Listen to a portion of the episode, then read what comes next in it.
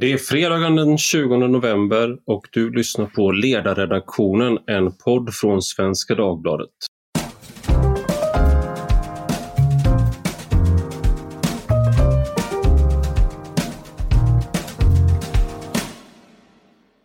Jag heter Ivar Arpi och idag ska vi prata om brott och straff. Varför ser vårt straffsystem ut som det gör och vad är det som får vissa individer att begå brott men inte andra? Vi utgår till att börja med från det väldigt uppmärksammade fallet med en våldtäktsman som blev dömd för att ha begått en våldtäkt mot ett, en 12-årig flicka och sen blev utsläppt efter två tredjedelar av eh, sin strafftid, villkorligt frigiven. Och under den tiden han var villkorligt frigiven så eh, våldtog han och försökte mörda en nioårig flicka. Eh, och nu har han dömts till 14 års fängelse. Men han kommer att bli villkorligt frigiven 2027. Och då har eh, åklagaren Paulina Brandberg, som jag alldeles strax ska prata med, hon har föreslagit att vi ska införa en, eh, en, ny, ett, en ny lag som innebär att man kan eh, väga in återfallsrisk när den typen av väldigt grova brottslingar eh, ska släppas ut igen. Och det har man i Norge. Så vi kommer först prata med Paulina Brandberg som är åklagare på eh, Riksenheten mot internationell och organiserad brottslighet. Eh, och sen efter det så kommer vi prata med, med två andra gäster för att diskutera det här. Men välkommen Paulina Brandberg till podden. Och du twittrade bland annat om det här fallet, eh, men du har också skrivit en debattartikel tidigare i år eh, om att vi borde lära oss av Norge vad gäller det här. Och vad är det Norge gör som inte vi gör vad gäller den här typen av eh, brottslingar? Ja, det Norge gör det är att de har en möjlighet att döma till en påföljd som innebär eh, ett fängelsestraff eh, i viss, på viss tid eh, och därefter någonting som de kallar för förvaring. Eh, och det som det innebär det är att när personen i fråga har avtjänat eh, det tidsbestämda eh, fängelsestraffet så gör man en avvägning, man gör en bedömning av hur eh, stor återfallsrisken är. Hur farlig är den här personen att släppa ut i samhället igen? och om det är en person som, som bedöms som väldigt farlig så, så släpper man inte ut personen utan då får man eh, ha personen fortsatt inlåst i syfte att skydda samhället från den här personen. Eh, och någon sådan möjlighet har vi inte i Sverige. Utan eh, vi, har, man kan säga så här, vi har två situationer när vi gör de här farlighetsbedömningarna eller risken för eh, återfall i, i brott. Och det ena är eh, när vi har människor som har dömts till livstidsfängelse. Och det är ju eh, ett fåtal människor, eh, oftast då eh, mord, eh, som folk har dömts för. Där finns det en möjlighet när ehm, eh, man ska avgöra om de ska få tidsbestämt straff. Det är ju så att livstid i Sverige innebär ju sällan att man sitter fängslad på livstid utan typiskt sett så släpps man ju ut efter en viss tid, att man får straffet omvandlat då till fängelse på viss tid.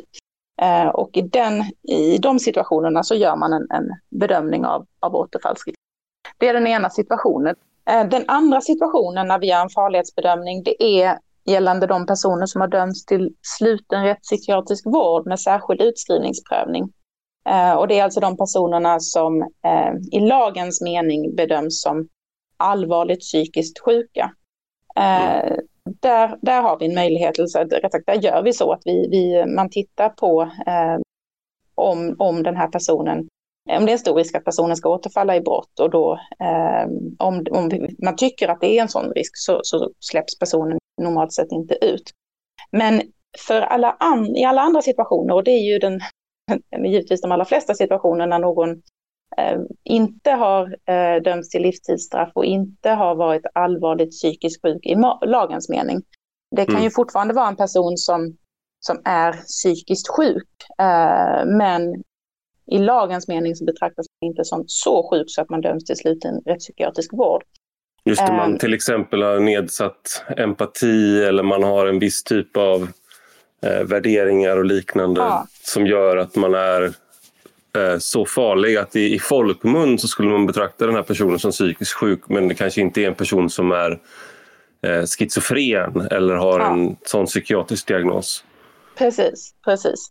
Uh, och där finns det ingen möjlighet uh, med vår lagstiftning idag att, att, uh, så att säga, hålla de personerna inlåsta för att skydda samhället. trots att det kan vara personer som, som alla är överens om är väldigt, väldigt farliga.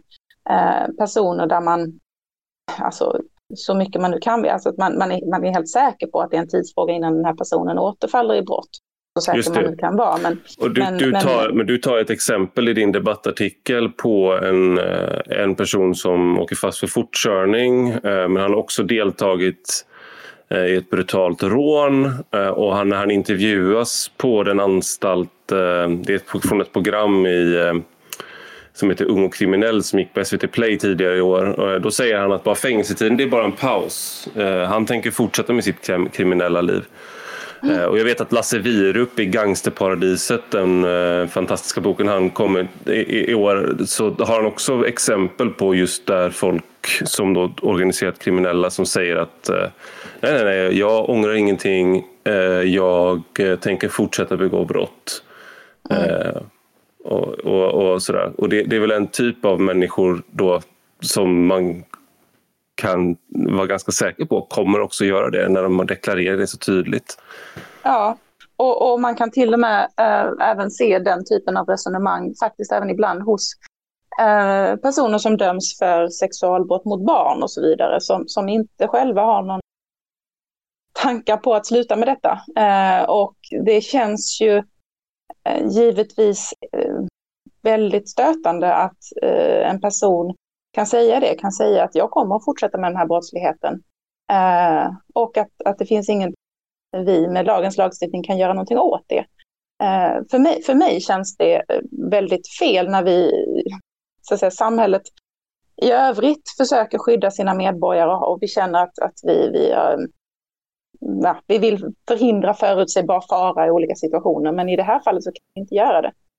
Du stöter ju på i ditt arbete och där du sitter och arbetar. Nu vet jag att du har arbetat med eh, mot trafficking och liknande så du, du stöter ju onekligen på en viss typ av människor som vi andra då som lever våra vanliga liv eh, vi, vi märker, vi kanske stöter på dem men vi vet inte om att vi gör det.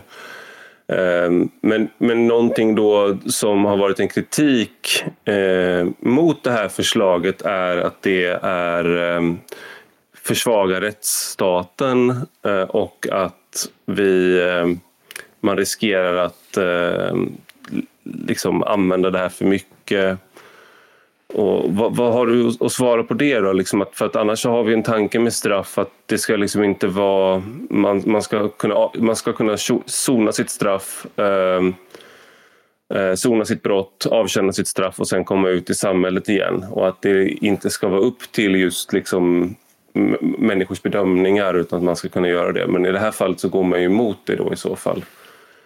Finns det någon risk ja. med det? Mm. Ja, det är klart att det här är ju, det här är ju väldigt så att säga, ingripande straff. Eh, absolut, så är det ju.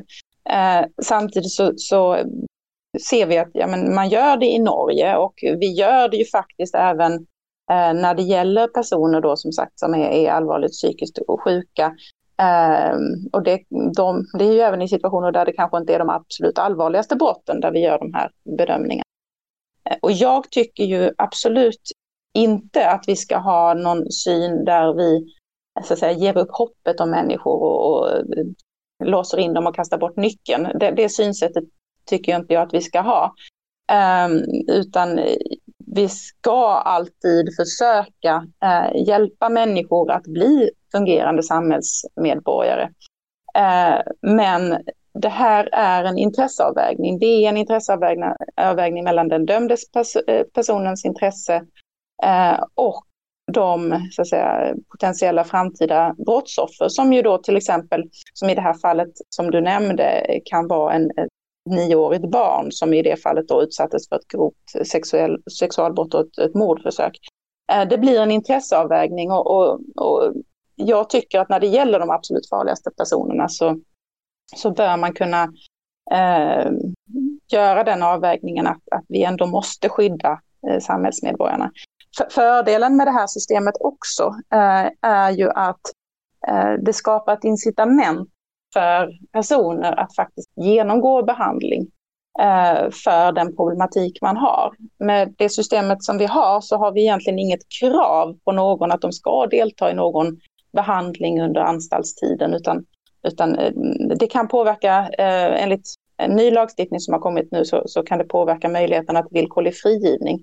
Men, men eh, frigiven blir man ändå eh, när man har avtjänat sitt straff oavsett om man har deltagit i behandling eller inte.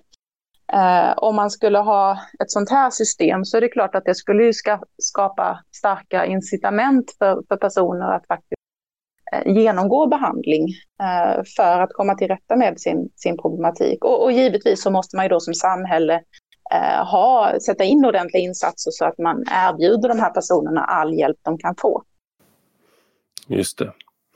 Och det, i det här fallet eh, Eh, den här gärningsmannen som vi inledde med att prata om som eh, begått brott mot, sexuella brott mot barn och försökte mörda en nioåring då. Han, eh, han, han satt i eh, sitt, han fick fängelse i ett år och nio månader men han, när han skulle bli villkorligt frigiven då så eh, det var först då som han, eh, det ställdes krav på att han skulle vara med i ett behandlingsprogram. Eh, och trots att det fanns ett behandlingsprogram på fängelset där han satt då. Eh, så det är ett exempel också på när man inte, eh, när man inte har satt tryck på den som är dömd under tiden. Ja, och det, och det kan man inte riktigt göra heller så att säga, med de systemen vi, vi har idag. Eh, och, eh, jag, jag, tror ju att, att om man vet att man inte blir, så att säga, man, man får sitta kvar eh, låst om, om ehm, så säga, om, man, om man fortsätter bedöms som lika farlig så, så tror jag att man kommer att, att eh, ja, ha, ha ett större incitament att vilja förändra sig. Mm. Och då sitter man kanske inte på en anstalt och säger att det här är en paus och jag kommer att fortsätta med samma liv igen. Jag kan nämna som ett exempel att jag vid ett tillfälle gjorde ett studiebesök på Norrtäljeanstalten eh, där man har en avdelning för särskilt resurskrävande intagna som, som det heter. Eh, och det här är ju de personer som oftast då är de, de intagna som är de eh, farligaste. Mm. Eh, och där fick jag höra att eh, det här kan vara personer som eh, bedöms som så farliga så att de måste ha två eller tre kriminalvårdare att, att, runt den här personen om, om personen bara ska flyttas utanför cellen. Mm. Ehm, därför att man bedömer att det är så stor risk att den här personen begår brott mot andra intagna eller mot personalen. Ehm, men även om det är en person som bedöms som så farlig så att man vidtar de åtgärderna. Eh, det kan vara att man gör så på måndagen, att man hanterar personen så på måndagen och sen på tisdagen så är det dags för frigivning och då släpps man rakt ut i samhället. Eh, trots att alla som har varit runt den här personen eh, ja, är övertygade om att, att det är en tidsfråga innan det kommer Eh, begås nya allvarliga brott. Det är ganska stötande från, eh, alltså från civilt håll att det är så här det fungerar. Jag förstår att man måste släppa ut människor, att man inte ska låsa in människor och kasta bort nyckeln. Eh, men det är samtidigt väldigt märkligt att man går från så att säga 100 till noll eh, i de här lägena. Att man inte har någon typ av jag vet inte, någon slags eh, övervakning i alla fall. Någon typ av övergångsperiod där man tänker att eh, eller att man då har en, om det är en så farlig människa att man tänker att du kanske inte ska släppas ut förrän du har visat att, vi, att, vi, att du kan hantera att vistas på en anstalt. Mm. Ja, nej, men det är precis den farlighetsbedömningen som jag, jag då efterlyser. Um, därför att det känns, jag tycker att det känns eh, det känns stötande och det känns alltså, också, om man tänker så att säga, rent, lyfter blicken, vad är statens uppgift? Jo, men staten har en skyldighet att, att eh, eh ja, eh, skydda sina medborgare från förutsägbar fara. Eh, och jag tycker inte att, att det är något undantag när det gäller den här typen av farliga personer. Stort tack Paulina för att du kunde vara med idag. Och nu för att föra diskussionen vidare har jag med mig två nya gäster. Eh, Amir Sariaslan som är epidemiolog vid eh, Helsingfors universitet och Manne eh, Grell som är kriminolog vid Malmö universitet. Jag tänkte, vi lyssnade ju här nu på eh, Paulina Brandberg som eh, inte hade möjlighet att vara med nu idag men som jag spelade in en intervju med tidigare i veckan. Och, eh, hon, det här, då utgick ju vi från det här fallet med en våldtäktsman som släpptes ut ett år efter att ha våldtagit en 12-åring och direkt när han kom ut och villkorligt frigiven så våldtog han och försökte mörda en nioåring eller om han försökte mörda eller men det var bara tur att den här nioåringen inte dog. Eh, jag tänkte, just, just det här att när han väl släpps ut i augusti 2027 igen så kom, då kommer han bli villkorligt frigiven. Eh, och det sker med automatik. Eh, och då kommer man inte göra någon prövning av återfallsrisken. Jag ska bara börja med dig Amir. Vad, vad, tänker du kring det här? Vad du vet om eh, liksom individuella riskfaktorer och liknande. Är det rimligt att man inte har någon bedömning av återfallsrisk på en sån person? Det där är ju på ett sätt en mer straffrättslig eh, fråga som jag inte riktigt fokuserar på. Men generellt sett, eh, och jag har inte någon närmare koll på just det fallet i sig, men om vi tar det på ett mer generellt plan eh, så finns det ju eh, tre olika frågor eh, som jag brottas då med när jag eh, tog del av det här. Och det ena handlar ju liksom om eh, riskbedömningar i allmänhet, eh, strafflängd eh, för fängelsestraff och sen så är det ju själva innehållet i straffet, behandlingar och så vidare. Och Eh, något som ni tog upp en del var ju liksom att återfallsriskerna är ju betydande och det är det generellt sett för våldsbrottslighet. Men vi måste ha i åtanke att för sexualbrott så är det faktiskt eh, ungefär en av tio som återfaller för något brott eh, under tre första åren efter eh, verkställigheten. Liksom. Så det är låg återfallsrisk på sexualbrottslingar jämfört med våldsbrottslingar? I allmänhet, ja. Det beror lite på hur man mm. definierar det och så vidare. Men det som är viktigt där är i och med att eh, förekomsten eller återfallsriskerna är eh, så pass låga så gör det ju väldigt svårt att eh, liksom på individnivå kunna predicera vilka som faktiskt kommer att återfalla. Uh, och det finns en del studier där man har tittat på riskbedömningsinstrument och generellt sett så fungerar, fungerar de hyfsat för uh, att predicera eh, våldsbrottslighet i närtid.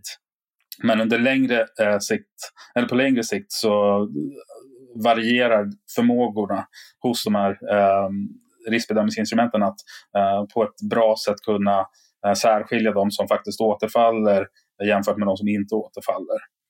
Och vad är det man ehm. missar då i de här? Vad, vad, är, det, vad är det som gör att det är svårt att bedöma, att, eh, att bedöma återfallsrisken?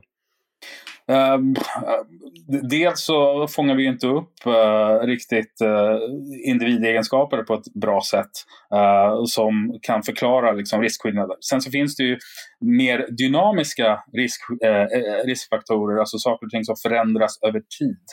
Um, och det finns många situationella faktorer som förklarar varför vissa eh, återfaller och så vidare. Och de faktorerna har man generellt sett inte eh, tagit hänsyn till i, i, i, många av de här riskbedömningsinstrumenten. Eh, det varierar. Uh, och vi håller på nu med olika typer av studier där vi försöker uh, använda registerbaserad data för att kunna förbättra uh, de här prediktionerna. Mm. Um, och sen så är det liksom frågan om fängelsestraff för att jag antar liksom att eh, det implicita där var ju liksom att eh, ja, den här personen eh, kommer att sitta inne ett par år, den kommer komma ut och man antar att ingenting kommer hända där på själva anstalten, alltså ingen behandling att tala om för att rehabilitera den här personen. Och det finns ju ett visst fog för, för den uh, oron i och med att uh, när man har tittat på utvärderingen av behandlingsprogram så hittar man i generellt sett svaga till medelstarka effekter.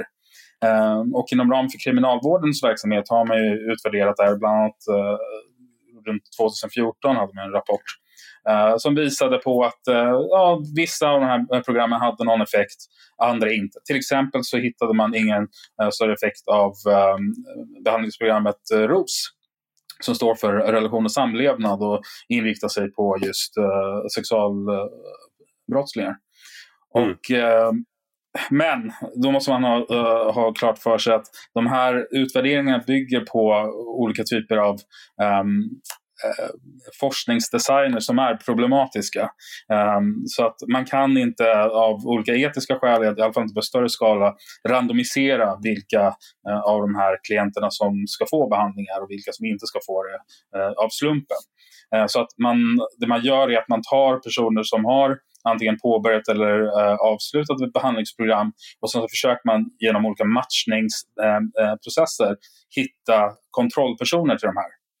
Mm. Um, och problemet med det, det är många. Dels att man bara fokuserar på de, man kan bara matcha folk efter de mätbara faktorer som man har tillgängliga i datasystemen. Um, vilket innebär att man inte kan um, kontrollera för många viktiga faktorer, till exempel ärftliga faktorer. Uh, jag tänker vi, vi kommer in på det här ärftliga. Jag tänkte bara, eh, Manne, du har ju sitter just nu och räknar på, alltså, för det jag tänker med, nu, det, det här exemplet med den här våldtäktsmannen, det är anledningen till att jag tar upp det är för att det är så eh, det är aktuellt och det är väldigt stötande eftersom det har att göra med, med barn eh, och det är så grovt. Eh, sådär. Men det finns ju också Ehm, jag tänker för, för du, du tittar ju väldigt mycket på områden och jag tänker det väldigt mycket av det som den brottsligheten som vi pratar om i debatten just nu, gängbrottslighet och liknande, eh, är ju knutet till utsatta områden. Eh, och du sitter just nu och, och räknar på vad som skiljer utsatta områden från, från andra. Eh, du är inte klar än vet jag, men, men kan du berätta vad du har hittat och vad, vad du tror att du kommer landa i? Vad är det som skiljer de här områdena från andra områden? Ja, det är ganska många saker som skiljer givetvis. Men jag hade en masterstudent som eh, gjorde beräkningar på det där till att börja med och jämförde då just det som polisen kallar utsatta områden. Vad kännetecknar en sån plats? Och då tog hon hänsyn till eh, ålder, arbetslöshet, utländsk bakgrund och olika typer av hushållssammansättningar och befolkning. Och lite förvånad, eller förvånad kanske inte, men, men det var faktiskt överlägset viktigast i hennes analyser, det var hur mycket invandrare det fanns på en plats mycket viktigare än mm. arbetslöshet och så vidare. Men grejen är att nu lägger vi på och kollar också med olika typer av brott och ser hur mycket påverkar de det olika mycket brott, till exempel narkotikabrott, olika typer av våldsbrott, eh, stöldbrott och så vidare och hur mycket påverkar det analysen? Och tanken är att vi vill försöka ta fram en, en mer objektiv modell för att identifiera utsatta områden än den ganska subjektiva som polisen har som bygger på vad polisen upplever är problem. Och det här med att när du säger att det som var överlägset viktigast, vad var det viktigt för? För om en specifik plats i Sverige av polisen kännetecknas som utsatt område eller inte. Och då är det alltså att de har bedömt det på um, så att det, det, det framförallt det de går på är uh, utländsk bakgrund då alltså? Nej, de har inte gått på det. Nej, okej, okay, jag missförstår. Vad, vad, var det som hon hittade, din masterstudent? Som... Min masterstudent tog så här, vi tar de platserna som polisen säger är utsatta områden. Ja. Och sen har vi delat in hela Sverige i 116 000 fyrkanter, som är de fyrkanter där det bor tillräckligt mycket folk för att vara med i statistiken. Och så tar vi alla de fyrkanter som då landar i ett utsatt område, det är ett par tusen. Vad kännetecknar de fyrkanterna? Mm. Och det som framförallt kännetecknar de fyrkanterna, det är att det bor många med utländsk bakgrund där och många med utländsk bakgrund i närliggande rutor. Okej. Okay. En sak om man jämför eh Alltså när man jämför eh, din forskning och Amirs forskning, då det, det, det jag tänker så är intressant att ha er båda här, det är att när man kollar på du Amir, för du har ju gjort studier på eh, liksom, vad kan, för, kan bostadsområde, kan inkomstnivå förklara återfall i våldsbrottslighet? Eh, och där kommer ni fram till vad då? Du, du tänker på en specifik studie där vi har tittat på just återfallsrisker uh, och eh, i, uh, återfall i våldsbrott. Så vi, vi, tittade på samtliga personer som hade avtjänat ett fängelsestraff mellan 2003 och 2013 i Sverige. Så det var ungefär 47 000 individer. Um, och uh, vi följde upp dem efter att de hade avtjänat sitt fängelsestraff. Och i och med att det här var en registerbaserad studie uh, och vi hade tillgång till uh, ja, nationella befolkningsregister så kunde vi då veta vad de eh, var folkbokförda år för år. Eh, vi kunde karaktärisera deras bostadsområden um, och uh, vi kunde även titta på deras disponibla inkomst och försörjningsstöd och antal gånger de hade flyttat och så vidare. Och inledningsvis så genomförde vi en traditionell analys, skulle jag vilja kalla det, där vi tittade på återfallsrisker och tittade på huruvida de här olika eh, indikatorerna för socioekonomisk status kunde predicera återfallsriskerna. Och det kunde man. Eh, så att eh, om man bara tittade på ehm, ja, eh, om man Korrelation. Precis, men om man jämförde då eh, personer som hade återfallit jämfört med de som inte hade återfallit så hade ju de som återfallit eh, betydligt sämre socioekonomiska förutsättningar. Men eh, det som var annorlunda med just den studien var ju att vi kunde eh, följa upp de här över tid eh, och vi kunde titta på den inom, eh, variationen som fanns inom varje individ. Alltså vi, vi, vi ställde en annan fråga. Frågan vi ställde var Uh, är det som så att personerna har en överrisk att återfalla i våldsbrott under perioder där de hade det ekonomiskt sett uh, sämre jämfört med perioder där de hade ekonomiskt sett bättre? Och mm. i och med att vi gjorde den här jämförelsen inom individer över tid, alltså, då, uh, då kunde vi tillämpa en metod uh, som kontrollerar för samtliga faktorer som inte varierar över tid inom individer. Vilket i det här fallet innebär um, ärftliga faktorer, tidig uppväxtmiljö och så vidare. Så det här är liksom ett sätt att försöka isolera effekten av den senare socioekonomiska statusen på återfallsrisk. Mm. Uh, och uh, när vi gjorde det så fann vi ingenting. Så oberoende av um, ja, nivån på, uh, alltså, oavsett hur mycket pengar de tjänade, vilka bostadsområden de bodde i, antal gånger de flyttade och vilka bidrag de fick, så hade de exakt samma återfallsrisk inom mm. individer. Då tänker jag så här, för det här känns ju som, om man kollar på din forskning man, så handlar det väldigt mycket om eh, områden alltså, och, och ehm, po hur polisen arbetar med, liksom, med hotspots, det vill säga särskilt brottsakt, eh, brottstyngda områden och farliga platser och sådär. Eh, det här känns ju som eh, att man då... Alltså, kan man kombinera era två eh, eh, sätt att, att beskriva brottslighet eller närmare brottslighet? Eller hur, hur, tänker du kring, kring det Amir säger nu och det, den här studien? Ja, det kan man absolut och det borde man göra mycket mer, absolut. Och faktiskt är det nu en eh, norsk professor som har fått ett stort anslag för att göra ungefär det. Eh, och kombinera både platsbaserade och individbaserade analyser för att förstå deras motsvarighet till utsatta områden. Och det är något som faktiskt borde ha gjorts i Sverige för tio år sedan, men som inte riktigt är gjort.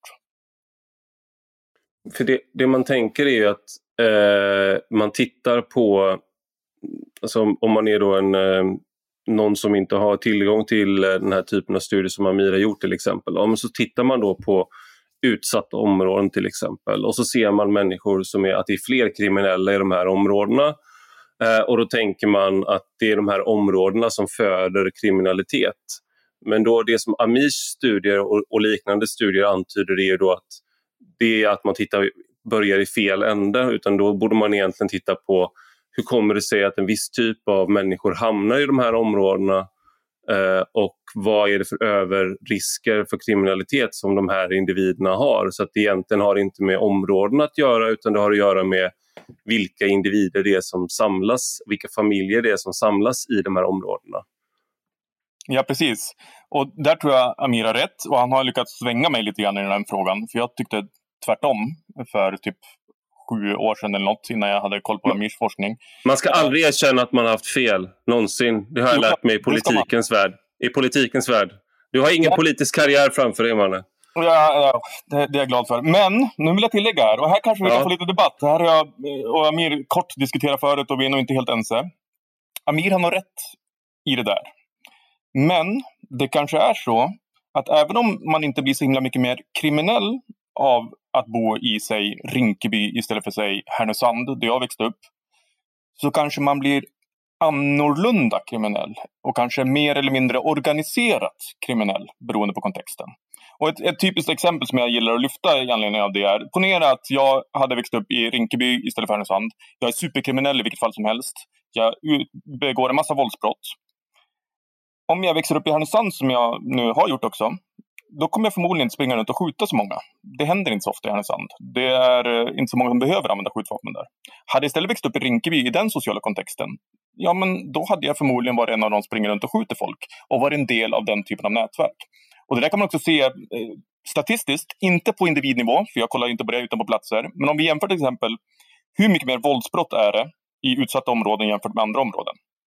Ja, det är lite mer. Det kanske är typ 50 procent mer misshandel. Det är mycket, det är en stor skillnad, men inte en massiv skillnad. Om vi jämför med till exempel skjutningar som är sex gånger mer. Alltså 500 procent mer i de utsatta områdena än på andra platser. Och där ser vi alltså att det är förvisso lite mer brott där och det har förmodligen, som Amir säger, att göra med vilka som bor där. Men det är också mycket mer av vissa typer av brott. Och det tror jag kan ha att göra med hur kriminaliteten är organiserad eller oorganiserat organiserad i de här nätverken, vilka kontakter man har, tillgång till skjutvapen. Och det är svårt att fånga i den typen av studier som Amir gör. För skjutningar är så ovanligt. Det går inte att göra den typen av analys på det. Men det är en möjlig faktor som kan förklara varför utsatta områden är något lite annat ändå. Just det, det, där, det här är ju någon slags tanke då om att de här eh, att man, det här, det här, jag kommer ihåg när jag såg ett avsnitt av The Wire att man, de pratar om det i The Wire, den här kriminalserien i, som utspelas i Baltimore i USA. Fantastisk serie.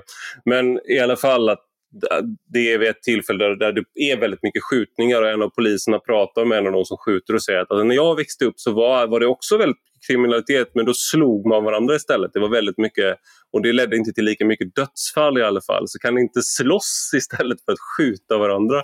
tror jag är hans, Det är hans liksom, eh, vad ska man säga, ganska begränsade önskan om minskning av kriminalitet. Det är bara att man inte ska skjuta ihjäl varandra i samma utsträckning. Men jag skulle höra, vad, vad tänker du om det här Amir? Är det, är det rimligt resonemang som man har? Definitivt. Um, alltså det vi diskuterade tidigare också, jag har väl inte förändrat min uppfattning i den frågan, är ju um, och som Anne är inne på lite nu mot slutet också, att det blir ett problem med den statistiska styrkan om man ska uh, göra så pass uh, Eh, eh, alltså undersöka så pass specifika typer av utfall som till exempel skjutningar och så vidare.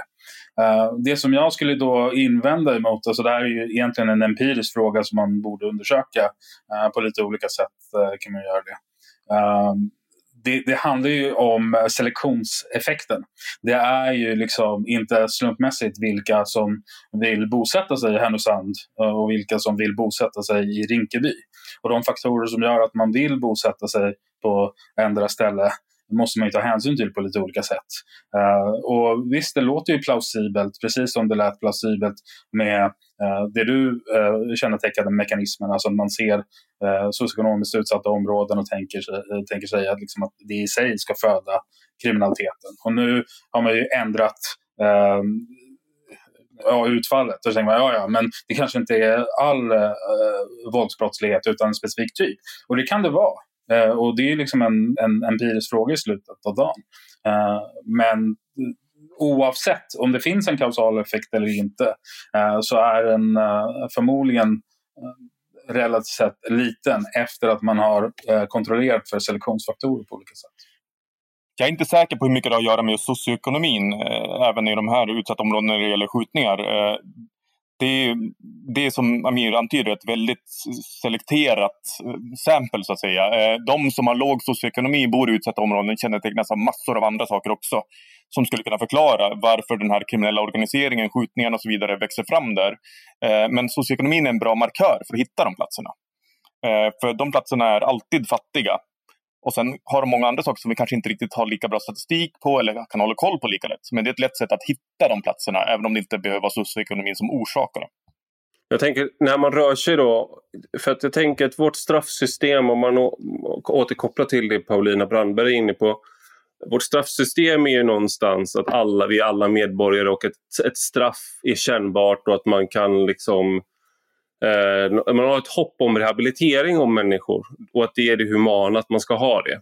Eh, men jag tänker också om vi då har identifierat, för det finns en hel del forskning som visar just att i princip all kriminalitet har någon typ av ärftlig faktor. Att man, eh, det som är svårt är att veta när det ger utslag. Så att säga att du, du kan se att en, en person Eh, eh, hyfsat snart, tror vissa forskare i alla fall, så kommer vi kunna identifiera liksom vilka genkombinationer som kan ge överrisker eh, för, för kriminalitet. Och låt oss säga att vi lyckas göra det. då. Då kan man ha liksom en sannolikhet på att okay, 60% sannolikhet att den här personen kommer begå ett våldsbrott innan fyllt 20 år till exempel. Eller 25.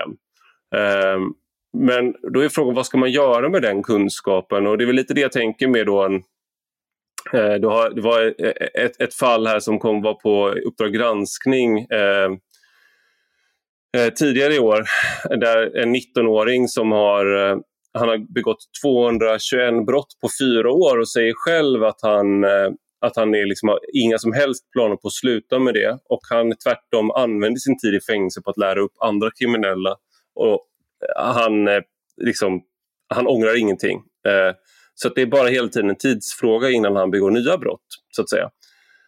Eh, vårt straffsystem är inte tänkt att hantera den typen av, av människor. Och om man då kan identifiera vissa individer som så farliga, är det liksom en eh, det är en väldigt ovan tanke, men borde man så att säga ha då en, en, ett förvar av den typen av individer? Borde man ha, eh, eh, istället för att tänka att, att man ska vårda de här människorna eh, och att man kommer lyckas med det, man kan ju fortsätta försöka men borde man släppa ut den här typen av, om vi då vet att det inte har att göra med eh, utsatta områden, det har inte att göra med liksom, inkomst utan det är helt enkelt farliga individer.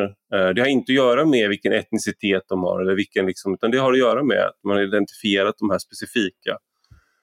Eh, vad tänker ni kring det? Uh, nej, alltså eh, det, det, där är ju en intressant fråga.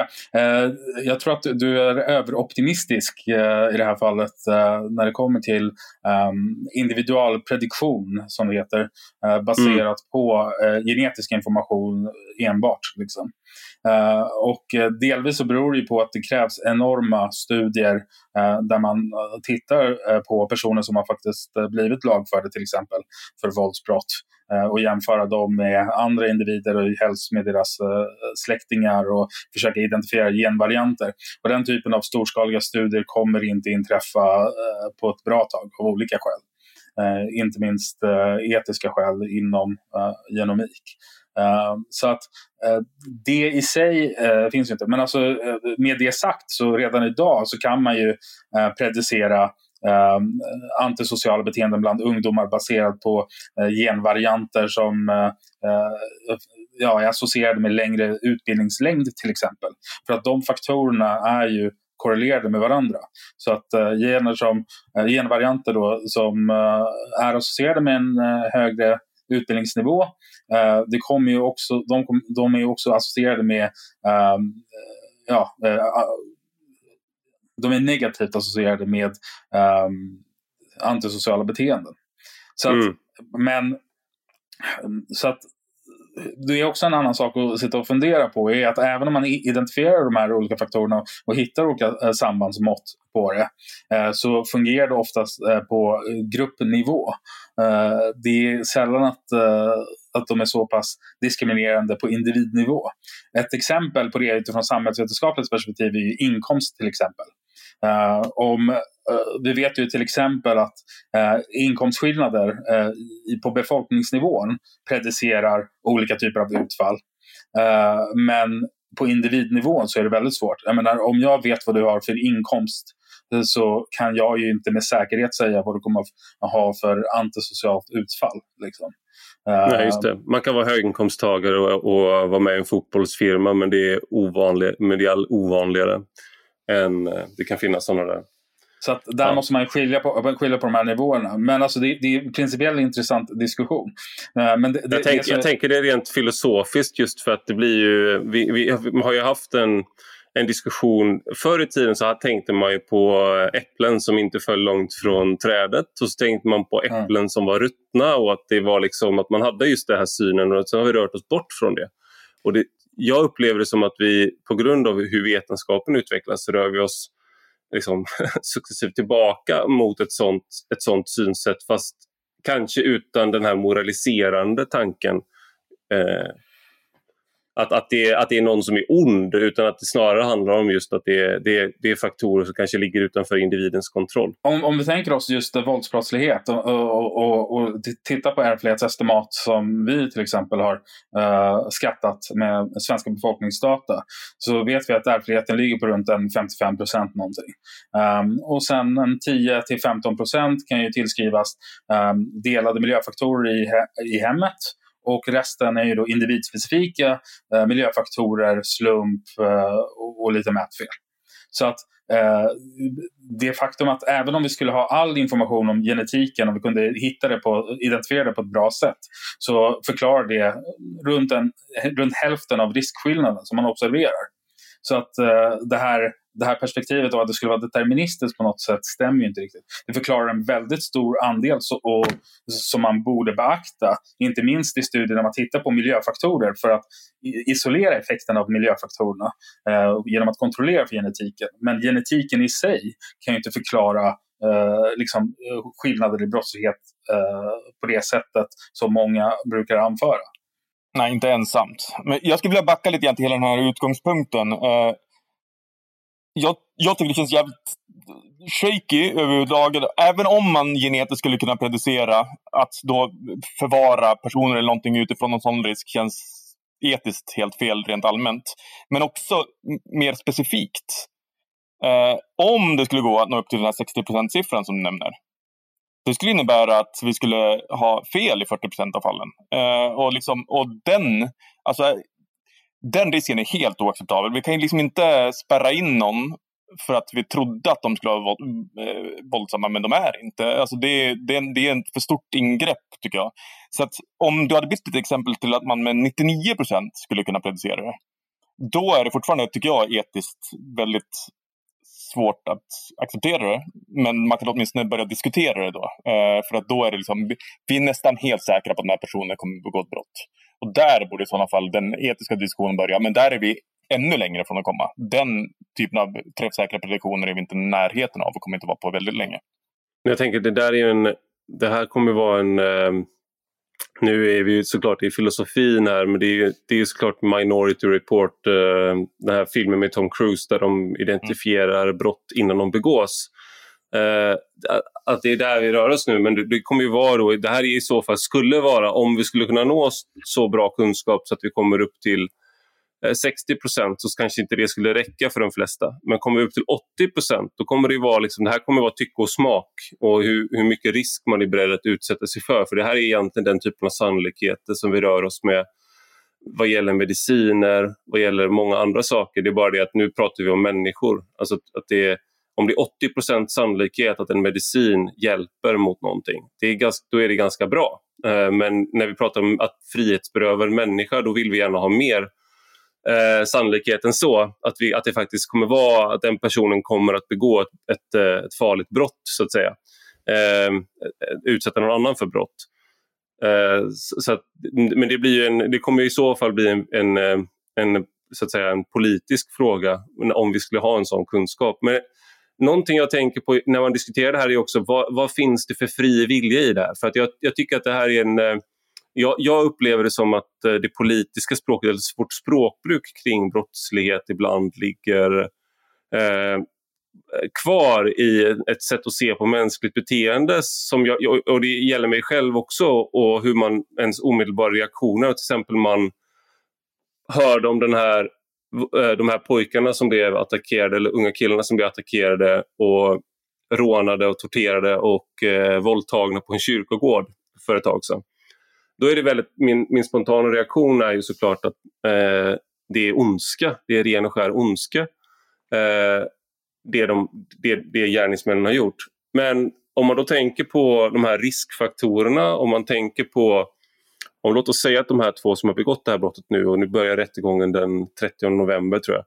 Eh, att de har just de här riskfaktorerna i de här och de dessutom kanske har miljöfaktorer då som påverkar också. Eh, så då undrar man, okej okay, det är klart att de har ju, de har ju gjort den här, e, e, en, en brottsling som begår en brottslig handling gör ju det eh, av, eh, av fri vilja i den bemärkelsen som vi använder liksom till vardags. Men vad menar vi ens med att att man gör det av fri vilja om, om det är så eh, om, det, om man är under så starka så stark påverkan från de här riskfaktorerna. Är ni med på vad jag menar? Ja, fast jag vet inte om jag håller med. Alltså, som Amir nämner att ärftligheten eh, var 55 procent för våldsbrott. Det betyder ju inte att alla som har en eh, våldsam förälder kommer ha 55 procents chans att begå ett våldsbrott. Alltså det blir lite för enkelt att se det så. Eh, det finns fortfarande en väldigt stor variation inom befolkningen och väldigt många kommer inte begå några brott. Och även väldigt mm. många av dem som har många riskfaktorer. Så det är liksom mycket mer komplicerat än så. Skulle jag säga. Men det är Amir som är experten här. Så. Men då är frivilliga, då kanske det är, jag, jag tänker liksom att de, de som faktiskt har begått ett våldsbrott, då har ju de så att säga haft 100% sannolikhet i efterhand att begå det brottet för att då har det skett. Eh, men Amir, du kanske kan reda ut mina, rätta ut mina frågetecken här. Alltså det, där, det där är intressant. Jag skulle, jag skulle inte tänka på ärftligheten i det sammanhanget med, med fri vilja. Liksom. Det, det, framförallt så är det en, en filosofisk fråga. Men eh, det som jag kommer att tänka på är det vi kallar för beteendegenetikens tredje lag. Vilket eh, innebär då att eh, även om vi har all information om arv och miljö så återstår en betydande andel som inte kan förklaras av något era. Eh, och det kan ju man tänka sig är slumpfaktorer och så vidare, men det kan ju också vara det som är ehm, ja, den så kallade fria viljan. Liksom. Det, och visst, eh, till, till, en viss, eh, till viss del så, så kommer ju den fria viljan att spela in där. hur pass mycket kan man ju, kan man ju säga om och i, i slutet av dagen så är det liksom en filosofisk fråga. men det det sätt som folk brukar tala om den fria viljan eh, stämmer ju i regel inte. Alltså, antingen så är man ju Uh, ja, eh, fria viljan förklarar allting, bara lite jävlar anamma och få rätsida på livet så löser sig allt. Um, och uh, på andra sidan av spektrat så är det ju de som menar att uh, ja, det är omständigheterna och framförallt då inte ja, genetiska faktorer utan sociala omständigheter um, som förklarar allting.